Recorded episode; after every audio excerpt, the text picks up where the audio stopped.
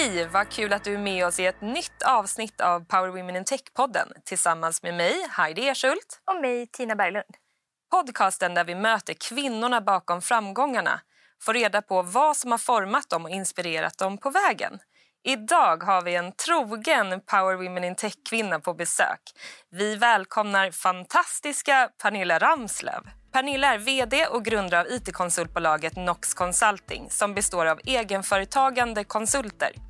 Nox består av en liten kärna med ett stort nätverk. Pernilla är Linköpingstjejen som ville bli uppfinnare som liten men istället blev en framgångsrik tech-entreprenör som genom olika initiativ vill förbättra världen vi lever i. Pernilla river murar, krossar glastak och bär imponerande titlar som bland annat Årets mäktigaste entreprenör. Vi är så otroligt glada att få ha dig här Pernilla och kan redan nu garantera att det kommer bli ett riktigt poweravsnitt. Tusen tack! Vilken härlig intro! Det där blir man ju alldeles lycklig av. ja, nej men vi är så glada att du är här. Och som sagt, du har ju varit med oss innan. Vi vill ju bara dyka in i alla våra frågor. Men först eh, vill du veta hur är dagskänslan? Ja, men idag känner jag mig eh, stark, varm och modig. Härligt! Otrolig kombination. Vi vill faktiskt spola tillbaka tiden lite, innan Nax Consulting och innan liksom allt otroligt som du har åstadkommit. Eh, du växte upp i Linköping som vi nämnde eh, och har beskrivit din uppväxt som trygg. Du ser ofta att du vill göra det omöjliga möjligt. Så då är vi nyfikna. Hur formade din uppväxt dig och gav dig dessa nycklar att göra detta?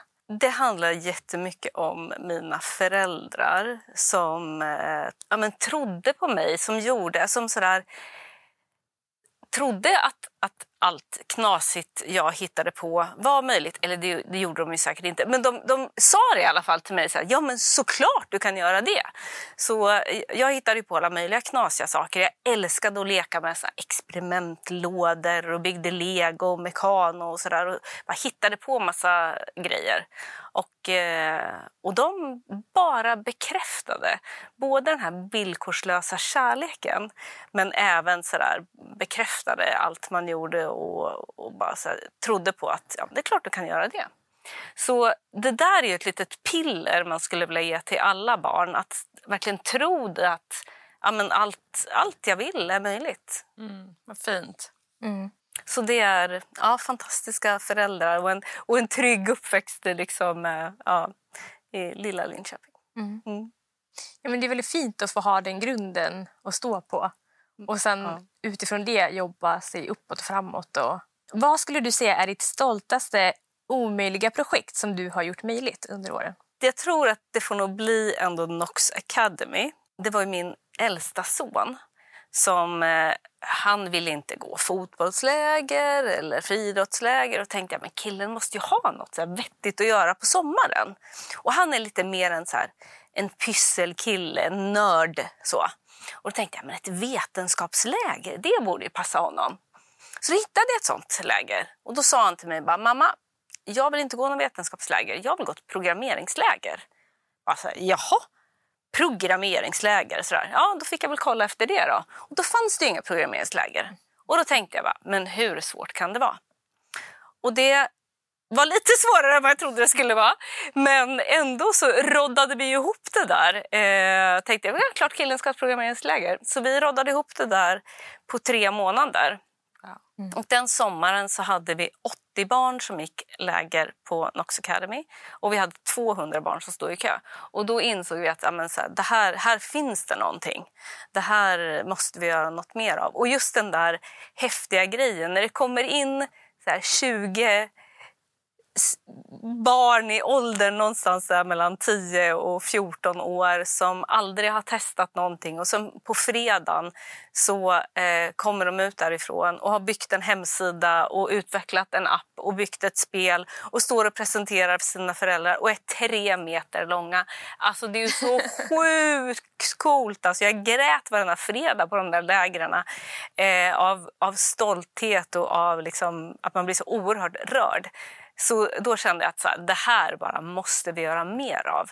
Så eh, sen dess har ju över 5 000 barn gått läger på oh, Nox wow. Academy. Ja. Och jag kan bara tänka mig hur stolta de är när de har fått byggt sin egen app eller byggt sin webbsida. Det är ju så stort. Och vilket liksom, det de tar med på vägen framåt. Så här, jag kan. Ja, jag kan. Och det här är ju barn ofta som kanske liksom inte gillade fotboll eller sådär och få komma i sitt rätta sammanhang och få vara med andra människor som gillar att göra det här. Det, då, då händer ju magi. Och att få hitta den kärnan också så tidigt och hitta sig själv i det. Ja. Alltså, tänk vad de gör härnäst. Det kan vi ju bara fantisera om och det blir nog stora grejer. Det var ju flera barn som hade drömmar om att bli brandman och pilot och sådär eh, innan de gick läger på Nox Academy och sen efteråt så bara så här, jag ska bli programmerare. Jättehärligt! Ja. Vi behöver flera ingenjörer. Ja, men att bara få upptäcka att det här är något yrke man kan bli. För när man är 10-12 år, då kanske det är just där, ja men pilot, läkare. Det man ser. ja, det man ser, lärare. Det är det man ser som man kan bli. Och så helt plötsligt fick de upp ögonen för någonting nytt som de kunde bli. Och hittade där ja, men passionen i att skapa. Jättehärligt. Vad betyder det för dig att kunna skapa den här typen av sammanhang? Det blir ju en väldigt eh, så här, ja, men värme och stolthet och att, ja, men att kunna göra för andra. Det, det är något oerhört eh, varmt och, och härligt i det. Och få, få ge, ge till andra. Det är, så, det är så underbart med kunskap. Det spelar faktiskt ingen roll hur mycket man ger bort. Man behåller lika mycket själv. Eh, så det ska man ju bara ösa med. Och, eh, ja, och i kombination med kärlek. Det tar vi med oss. Ja.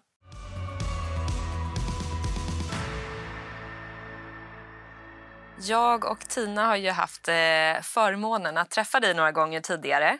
Och eh, vi båda tar ju intrycket med oss av att du är väldigt målmedveten, att du är en otrolig doer.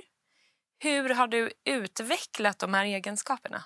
Jag är väldigt mycket det här liksom, kavla upp ärmarna. Och kanske att det där föddes då i barndomen. Så här, man fick experimentera, man fick testa, man fick bygga, man fick göra. Och, och att se när man skapar någonting. Eh, men eh, och det som, det som man kanske har lärt sig, som man har utvecklats, i, i mångt och mycket har jag nog liksom, tidigt i karriären och i livet känt att så här, om, man, om det ska bli gjort då får jag göra det själv och då kavlar jag upp armarna och kör. Men, men sen också en insikt om att att det ofta blir bättre när man gör tillsammans med andra. Och att eh, även om man delegerar till någon annan, även om det inte blir precis som, som jag själv hade tänkt mig eller som det hade blivit om jag hade gjort det, så blir det ju oftast lika bra eller till och med bättre. Eh, så det där tror jag faktiskt att jag har, har utvecklat under åren och blivit ännu bättre på. Mm. Mm. Och vad har möjliggjort den här kraften och energin? Ja, men egentligen jag brukar säga att jag har två tricks i livet eh, kring den där kraften och energin. Och det är, eh, dels är det sömn.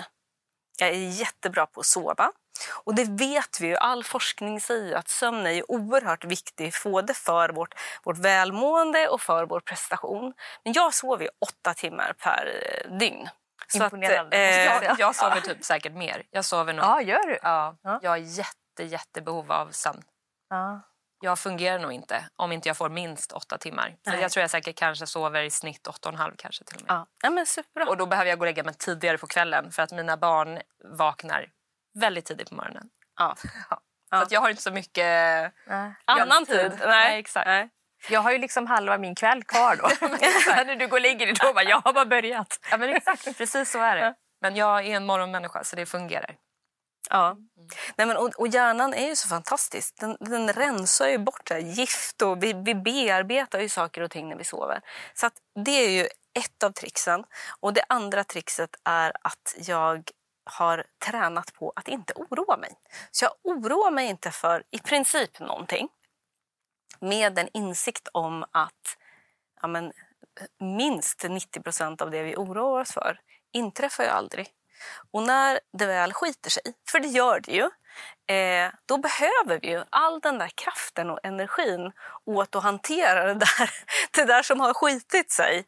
Så eh, att verkligen träna på det där. Och det gör att om man inte håller på med energidränage under dagtid så, så får man väldigt mycket mer kraft och förmåga att göra andra saker. Så jag tror det är mina små tricks i livet. Det jag gjorde var att jag, men typ så här, när jag tränade på det här att, att bli av med oron så, så, här, så men, skalade jag löken. Att jag så där, ja, men, någonting som jag oroar mig för, bara, ja, men, vad, vad, vad betyder det?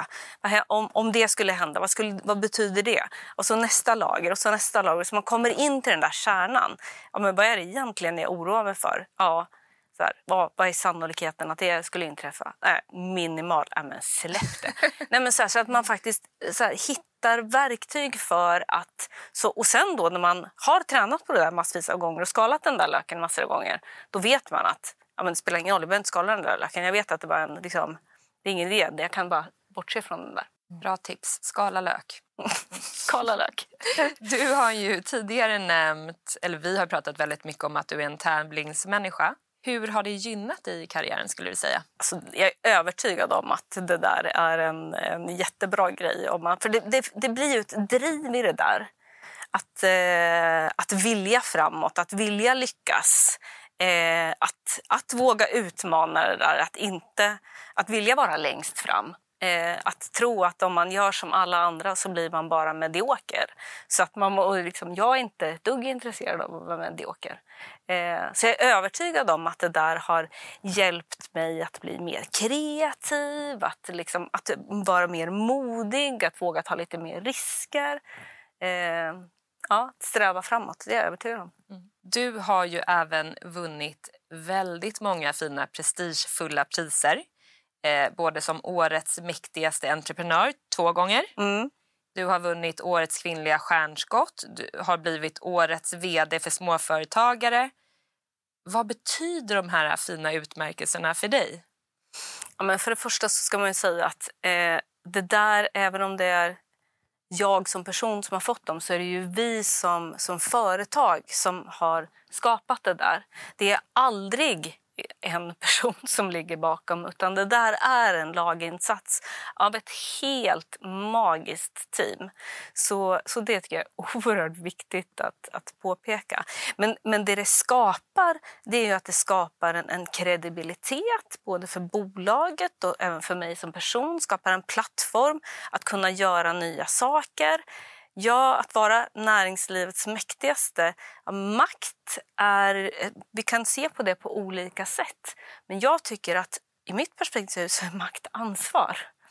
Och jag måste använda den där makten för att göra bra saker. Det är mitt förbaskade ansvar att göra något bra av det där och skapa saker som, som blir bättre både för samhället och världen. Så det kommer både med, med, en, med en liten guldglans men också med ett stort ansvar. Men det här då, fantastiska teamet som står bakom dig, hur skulle du beskriva dig själv som ledare? En, en varm person. Jag bryr mig väldigt mycket om andra människor. Men eh, jag, är, jag är modig, jag vågar eh, att, och, och, och gillar att utmana. Eh, men, och sen så är jag lite galen. Jag är lite knasig, eh, liksom lekfull och busig och, och sådär. Eh, och det tror jag också är en, eh, en viktig komponent. Att man inte tar sig själv på, på allra största allvar och sådär. Att man vågar göra fel, att man liksom ja, men, råkar vara så himla inne i en konversation att man så här, oj nu hade jag inte hunnit knäppa brallorna när jag gick ut från toaletten för jag var så himla sugen på liksom, att prata med dem där. Så, ja, men du vet, så här, jag är 100% naturbarn och det, eh, ja, men det, det genomsyrar nog även lite så hur jag är på jobbet.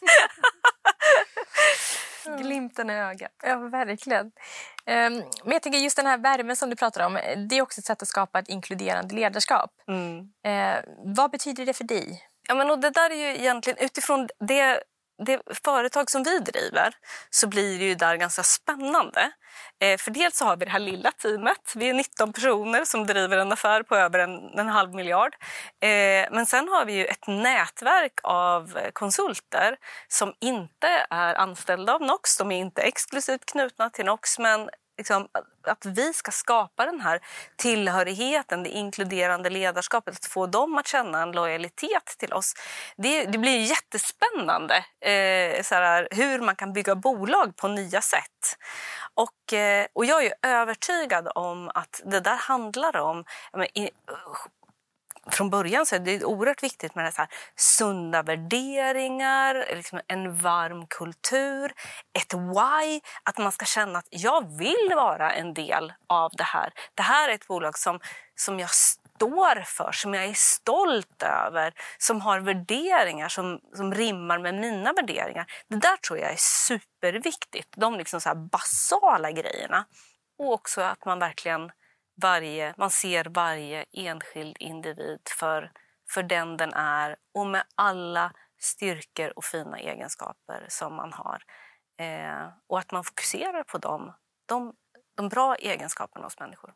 Eh, nu har vi pratat om eh, att du inte oroar dig så mycket.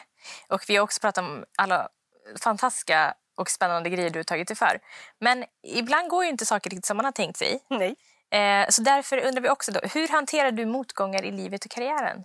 När någonting händer så, är det så, här, så behöver jag liksom fundera lite på det där. Liksom så här, det landar in på något sätt och när man ska ta beslut. Och då för mig, jag behöver koppla ihop hjärta och hjärna. Ni vet så här att man kan förstå någonting logiskt men man kopplar det inte känslomässigt. Och ibland så kan du känna någonting fast du inte fattar det. Och för mig, när de där två sitter ihop, när tanken och känslan sitter ihop, då kan jag liksom lösa ett problem. Och känslan för mig är oerhört viktig. Så när det är en motgång så här, så jag verkligen så här, jag känner det jättemycket. Och jag liksom till och med så här, plockar ut känslan och, och så här, tittar på den. och Vad är det och varför blev det så här? Och, och, så här, och hur reflekterar jag över, över mina egna känslor kring den här? Men sen också att man tar hjälp eh, och pratar om motgångar. Och jag tror det är oerhört viktigt att vi pratar om våra motgångar. Det är det, de som lär oss och det är de som gör att vi blir bättre. Så att man har en kultur på bolaget där motgångar är någonting positivt. För ju fler av de där motgångarna vi har med oss i ryggsäcken desto bättre förutsättningar har vi att lösa morgondagens utmaningar. Jag tror att vi måste våga ta, ta motgångar som något positivt i mm. mycket större utsträckning. Och Det gör att vi skapar en kultur när liksom, man, inte, man inte har några rädslor på bolaget. Man är inte rädd för att göra fel. Jag tycker det är så fint just när du beskriver att du liksom plockar ut och tittar på känslan. Mm. Jag tänker just i det här uppkopplade samhället som vi lever och alltså man vill ofta tänka lösningar på problem. Man vill inte liksom känna in. Så jag, jag gillar just att den här, de ska möta varandra. Det går inte bara att undvika känslan i situationen.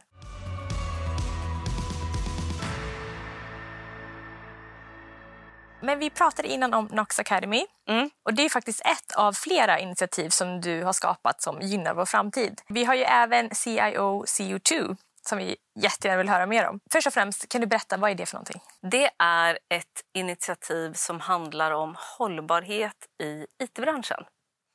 Med en insikt om att, menar, hur bra en digitalisering är för, som löser jättemånga av samhällets eh, utmaningar och våra klimatutmaningar så finns ju det en baksida på det där myntet.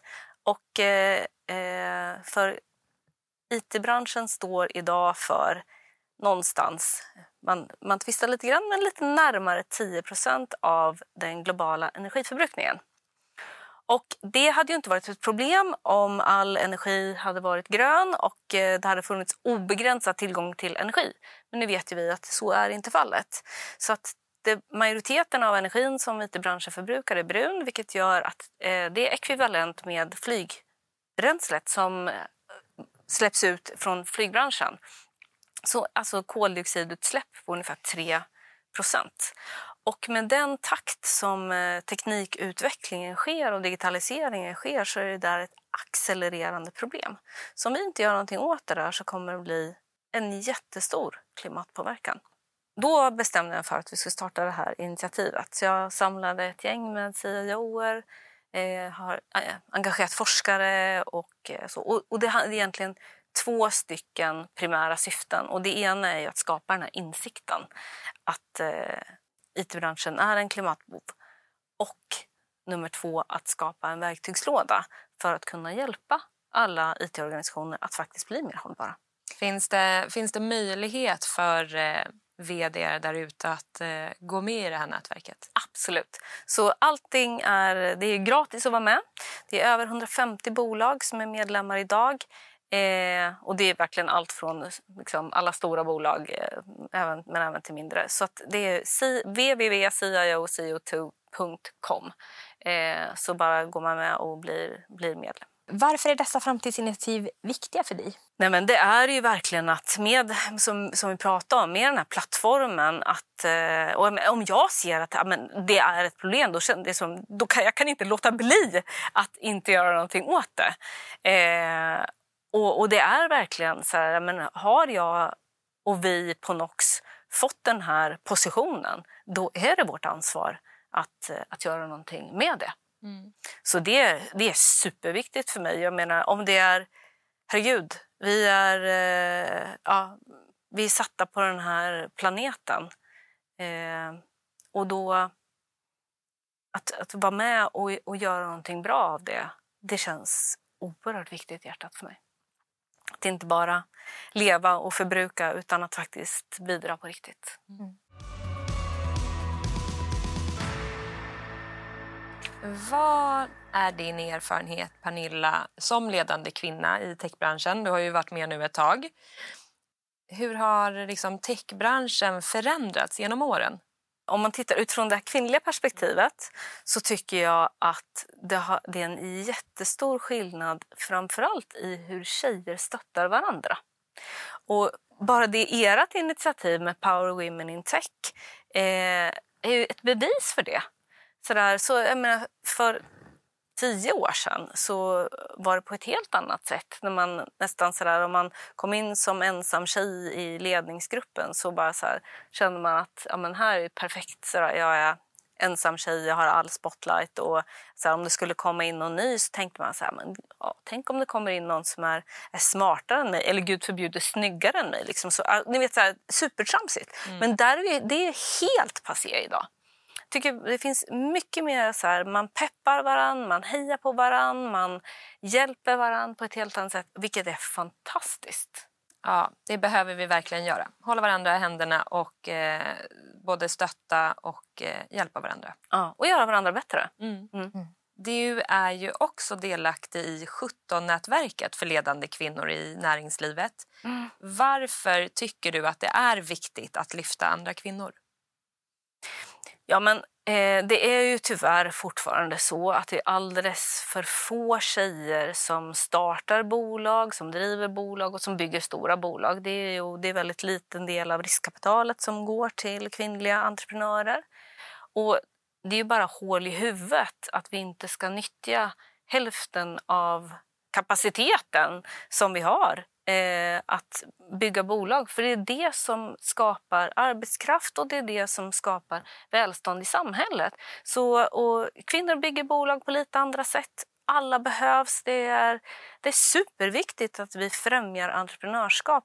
Och då behövs det tyvärr fortfarande Eh, där vi verkligen kan göra insatser för att fler tjejer ska våga starta bolag, att det ska finnas förebilder och att de ska få all stöd och hjälp och pepp de behöver för att våga. Mm. Mm. Kan du berätta lite om det här 17-nätverket?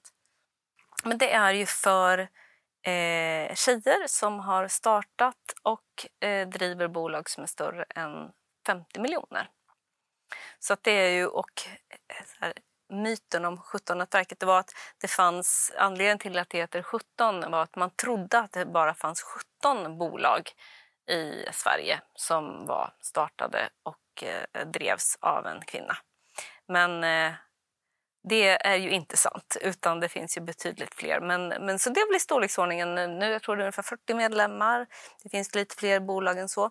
Men det är ju det är fortfarande alldeles för få. Mm. Och vad är syftet? Ja, men syftet är ju dels att faktiskt ja, men som ett kollektiv kunna vara en, en maktfaktor Eh, men också kunna vara förebilder och visa på att ja, men det går som, som kvinna att, att kunna bygga och driva stora bolag. Mm. Varför behöver vi förebilder? Jag tror att det blir... Eh, man, man behöver någon att kunna tänka att det där kan vara jag. Det tyckte jag var så himla härligt med, med Nox Academy. Vi hade ju ungdomar som var eh, lärare mm, på Nox Academy som var kanske eh, så här, barnen som gick var någonstans mellan 10 och 16 år och de som var handledare, lärare var ja, 19, 20, kanske upp till 22 år. Och just det där att de är nästan i samma ålder gjorde ju att barnen kände att ah, men det kan vara jag om fem år. Jag tror det är superviktigt att, att liksom kunna identifiera sig med någon. Och det, blir, det är ju en, en, roll som en förebild, att kunna vara någon som andra kan identifiera sig med. Kan hon så kan jag. Och, eh, och det där tror jag kan inspirera. Mm. Gör att man känner att ja, jag vill, jag vågar. Mm. Mm. Vi har ju pratat mycket om att det fortfarande är för få kvinnor inom techbranschen. Hur, hur ska vi göra för att bli flera som väljer en framtid inom tech? Och jag tycker nu, det är så himla roligt och så himla spännande nu. Liksom, för med en insikt om att IT är kärnverksamhet i princip varenda bolag. Eh, och det som man i mångt och mycket tänker på, eller i alla fall tänkte på liksom med techbranschen, så är det liksom programmering. Men det är ju så mycket mer idag och där tror jag att vi behöver vara ännu duktigare på att visa på men vad är tech idag eh, och vad, så här, vad kan jag jobba med så att det blir någonting som attraherar väldigt många fler, både tjejer och killar. Jag menar att jobba med, med, så här, med grafisk design, att jobba med användbarhet, att jobba med så här, att driva projekt. Att, eh, så här, ja, men det finns ju så mycket saker Att jobba med kommunikation. Det finns så mycket saker vi kan göra som är inom, idag inom ramen för techbranschen som inte var inom ramen för techbranschen för tio år sedan. Där tror jag att vi har ett jobb att göra. Mm, prata mer. Mm. Mm. Förutom då förhoppningsvis att vi ska bli fler kvinnor i techbranschen i framtiden. Om du blickar in i framtiden, vad skulle du säga att vi kan vänta oss? Ja, det där, tänk om jag hade svaret på det där, det vore ju fantastiskt. Eh, men jag tror att vi i det här rummet kan vara överens om att alltså, teknikutvecklingen går i en rasande fart. Det kommer inte stanna av. Jag hoppas att vi kommer att vara än bättre på att använda teknik för att i mångt och mycket lösa samhällets utmaningar. Det handlar om så här, hur vi kan förbättra äldrevården, hur vi kan bli bättre i sjukvården, hur vi kan hjälpa våra barn i skolan. Alltså, tänk om vi kunde få ännu fler barn i skolan att känna den här stoltheten och tryggheten och framtidstron och vad mycket, liksom, vilket mycket bättre samhälle vi skulle kunna vara. Om vi kan göra det med teknik där vi kan anpassa eh, lärandet så att alla känner sig delaktiga på ett annat sätt. Men där hoppas ju jag att vi ska utveckla ännu mer lösningar som inte bara är liksom riktade mot det kommersiella utan verkligen mer riktade mot det samhällsansvaret. Eh, så om jag får önska så är det där jag, där jag önskar. Ja. Mm. Vi hoppas att den slår in, ja. verkligen. Mm.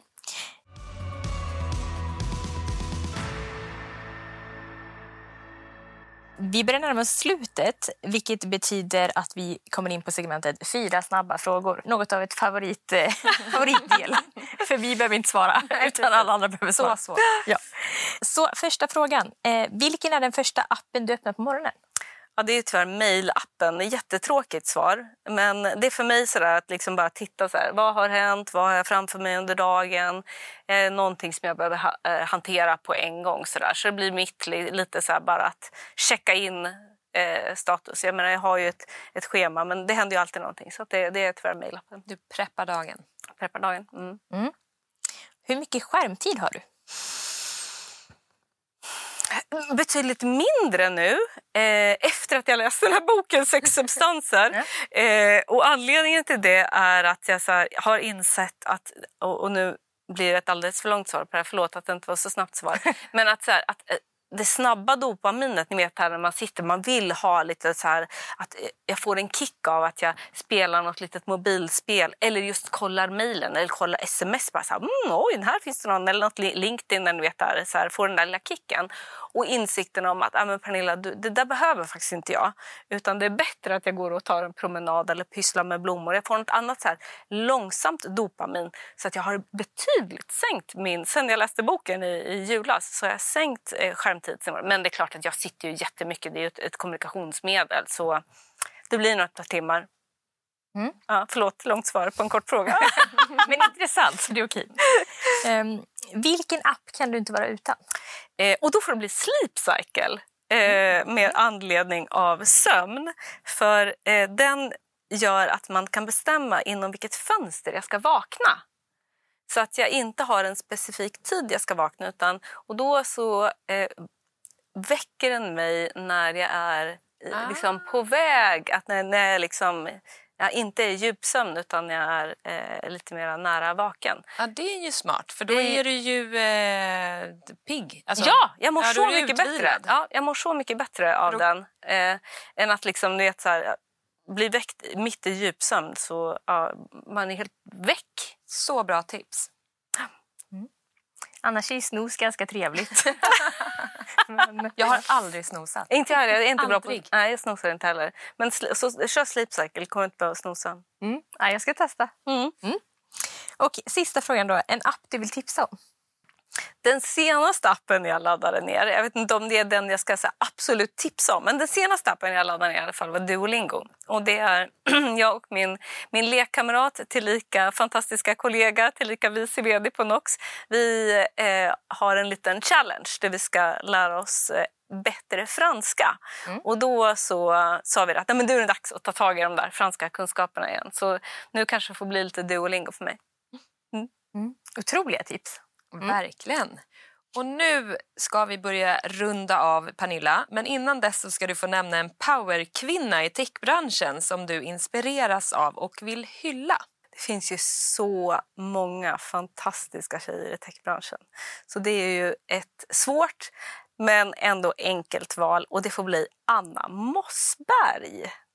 Hon är en, eh, en oerhört cool, framåttänkande, driven men samtidigt oerhört varm och eh, ödmjuk tjej. Hon är, alltså så här, snacka om powerkvinna. Hon sitter i styrelsen på Swedbank, på Orkla, på Swisscom och på Volvo och eh, driver både techfrågor och hållbarhetsfrågor. Alltså en riktig powertjej, verkligen.